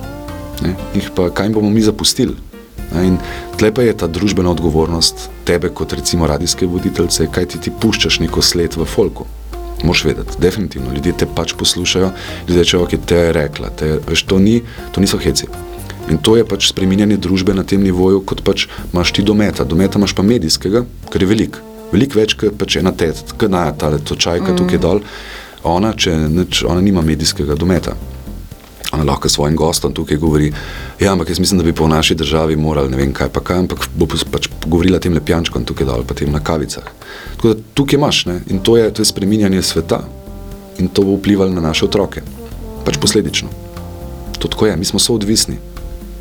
Ne? Ta najn Ja. ja. razgovor vpliva na te in na ma- name. Za začetek, pa, pa še za koga, ko poslušal. Ja, pač jaz nekaj smo naredili, bo, neko ne. izkušnjo. ne. To- to Ja, pač sva, ne, pa Ja, veliko tem valjda. odprla, pa lahko bi še debatirala v nedogled. Zato res povabim zdaj le vse, uh, ki poslušate, uh, ker vem, da poslušate taki, ki vas te za- zadeve zanimajo. Pojdite na Matičevo spletno stran. Toplo povabljeni. Res itak. boste definitivno najdel uh, odgovore tudi na vaše vprašanje, pa še kaj dodatnega zraven. A bo vlekla? Ne vem, še nikoli nisem. Res nisi? Ne, hilja pa res ne. A pa si ga upaš? Ja, Mislim, vem, nimaš nobenih zdravstvenih težav Ne. na to. Sem razmišljala, da danes tako, a bo vlekla z maticom ali bo tako floresne Ne. debate imela. Nekaj pa ne, če vsi vlečejo, bo tudi matic vlekel. Vleče, a to se tako reče, okay? A ni vlečenje za lajne, pa to, pa bele črtice, to se vleče. No, tega pa še ni noben omenil, ne? Ponavadi vedno na seks pomisli vsak gost. A, privle, a res? Pri vlečenju. A res? čva vleč? A ja, to mislim, okay, ja, a ja, veš, ne? A ja, puf, Dober. Čudno mi pol asociacije dela. veš. A si, si- ja, si, si bolj domač na tem področju. Ne mislim tako. A pri drogah? A, pri čem? Kaj se naredi? Uh, potegneš vase, Ja. inhaliraš. Ja. Ampak kar fejs, da, da bo vplival na glas. No, pa te slišimo zdaj. to je tako, kaj? Ne moreš verjeti. Samo moraš še malo, veš, res je eh, premalo? Veš, kaj ti je takoj ti je spustil, ne? Tako kar, In pa je Patek dobil zadatek. Še moš povedati, ali Ti kaj? kar povej, kaj. Res, pa koliko časa pa to znaš, drži? in Ne vem, par sekund. Kaj par sekund? Par sekund. Joj, to smo se pa zdaj znajdeli noter v enem, eni risanki in se igramo in že popušča. Ja, A še? če češ? Ej, to je pa dobra zadeva. Kje se pa to prodaja? Um, To dobiš kje, ali to je na, na recept, ali to država podpira, ali kako to? A to državni heli vlečemo, sam da ni z unih balonov, ki so dol padali na barju. Ok, da zgo. Kaj pa ti? to jaz? Ne vem, ti to redno delaš? jaz redno vlečem. Jaz pa vedno dobim finale, ali? Ali dobro. Ponavadi mi kdo še kaj zapoje, sem danes. Jaz ne, nimam posluha. A res nimaš posluha? Ne, nimam posluha. Nekakšno sodalinko zapel. Mm, Ne, ne, vse odalinko. Veš, kaj je sodalinka? Dobro vem, kaj je odalinka. Ok, bom pa. Ne znam besedila. Več, ena, mi je- ena mi je res zelo dobra. Kira pa? Um, poznaš Dar, Dertum Band? Dertum? Ja, to so bili naši begunci, ki so naredili bend, veš, to je vse leta 93 bilo. Begunci, ki so bili tukaj v uh, begunskih centrih, so naredili svoj bend, begunski in so igrali sodelinke Dertum Band. Imeli so super koncerte v Kudu, naredili eno plato, samih sodelink. In gore je ena stara, zelo dobra.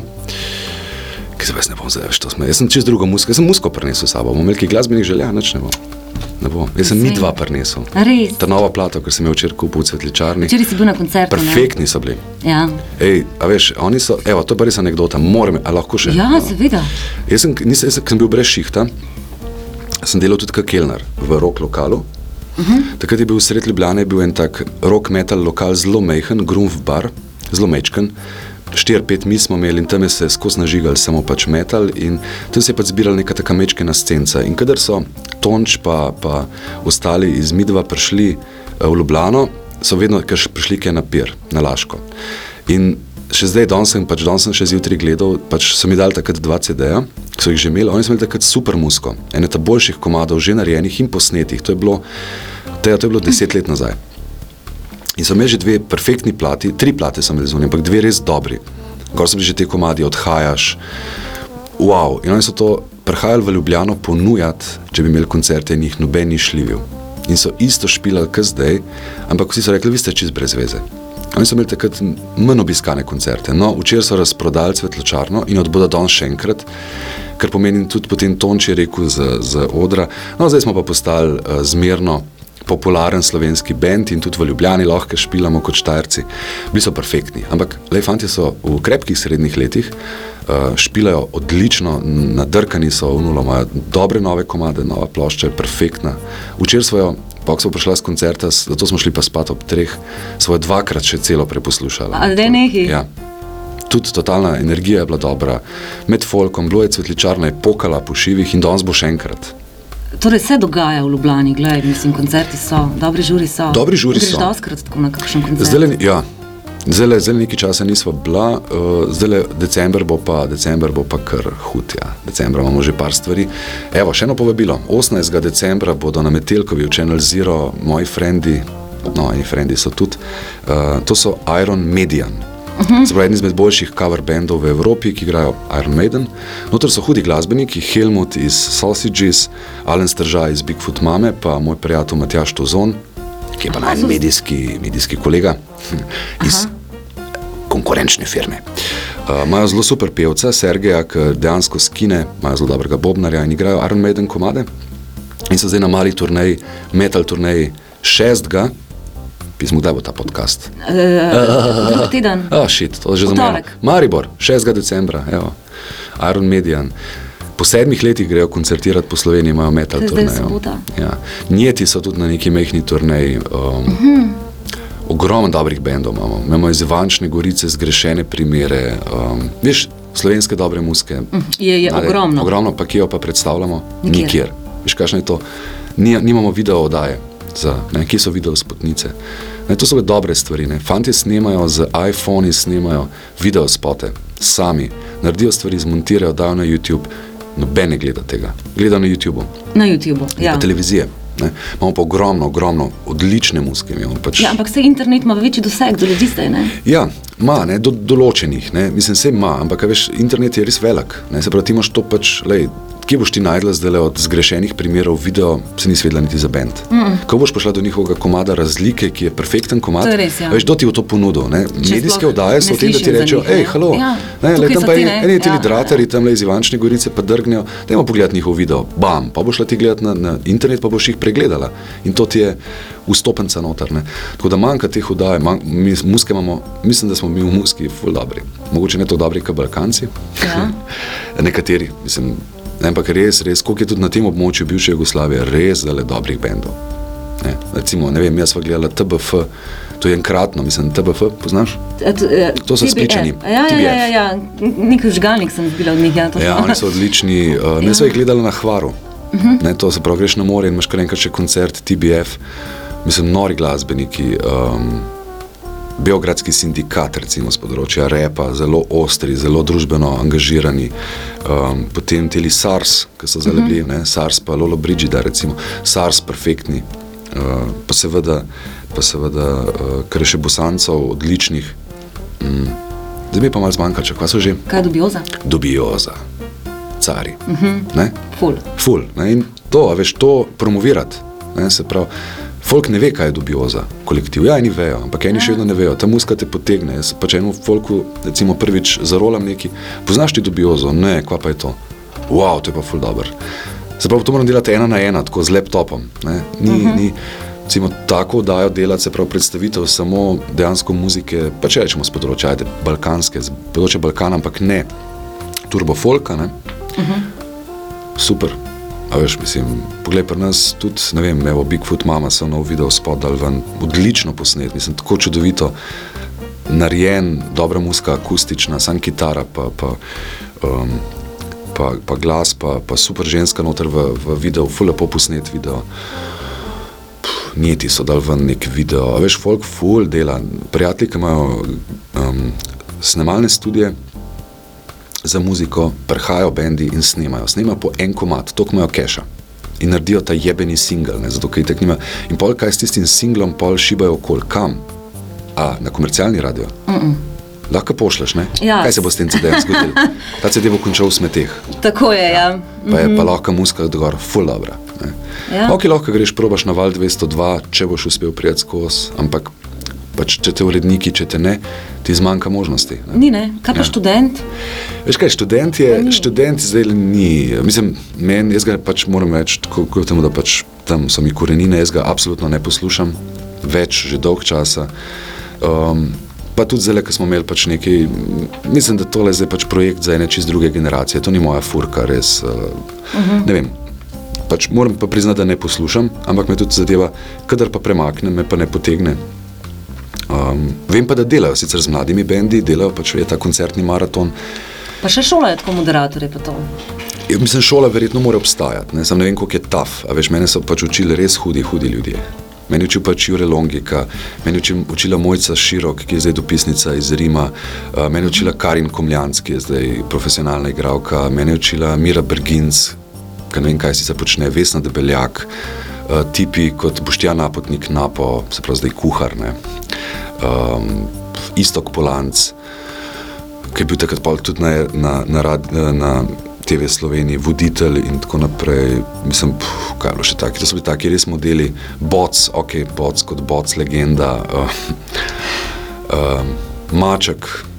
Ne vem, mislim, mi pač, jaz sem imel takrat glih srečo, da sem ujel leta 93 še zadnje izdihlaje, zadnje izdihlaje študenta, tiste iz 80-ih, folk je že odhajal. Ampak so mi pač, so me pač lahko učili govoriti, pa delati. In to so bili res, bile hude stvari. Ne? Tako da zdaj ne vem, koliko je dobra šola, ampak kar sem pa slišal voditeljev, je bila za moje pojme katastrofa. Ne? Mi smo bili res hudi na, tudi na audicijah. No? in tudi pol. Pač ta kvaliteta te govorne šole študenta, predvsem bom rekel zaradi Jureta. No? Uh, Jure je bil Ker vi ste imeli veliko branja v etru. ne? Zme, ja, ampak to, to se pravi brez podlage, brez podlage eno uro, In si mogel vse v nulo prebrati. nulo, brez napake. Kondicija. Zdaj, če bila pa napaka, je pa un tehnik, ki je na un stran pač pizdil, ker je moral pol štukati, ne, ker se je to delalo na trak. Ne, ne, to ni bilo nobene digitalne, tako da ne, saj smo delali napake, seveda samo pač, namen je pa bil v tem, da pač prebereš celo, veš, pa smo se drkali med sabo, prima vista, se pravi, ne pogledaš sploh, ne prebereš teksta in ga brez napake prebereš. In jaz sem to sposoben narediti. In takih nas je pač, ne vem, toliko pa toliko, kar nas je. Mhm. Uh -huh. We are good, you know. I know. ok, Matic, hvala lepa. Ej, hvala tebi za povabilo. Uf, Zelo pa se- super. A ti je bilo fajn? Ej, the best. Cool, A ponoviva. veseli. Za zdaj pa par men, boš pa ti pacijentka. Bojista sem, da se mogla še pokazati. Kaj da? Bo še video mogla- kamera, Dobro. pa brez omejitve, tudi časovne. A res? Ja, to kot YouTube, pa kaj ne ven vrže, tako da mislim, da dve uri prenosa je možnega. Ja, Sklele mi, da so bila zdaj eno uro. Um, Tisti, ki so res zagnani za poslušanje. Kdo bo to poslušal? Se to, veš. Midva Pa nič ne bom rezala ven, ne, to držim Super. tega načela. Okay, torej, a, mi pa se slišimo spet prihodnjo, um, prihodnjo soboto, še sem se čisto odpadla v tisto tvojo soboto. spet z novim zanimivim gostom, skratka, to je to. Hvala, Matic. Hvala, čau. Malo mešano na jeziku. Stejo kralj.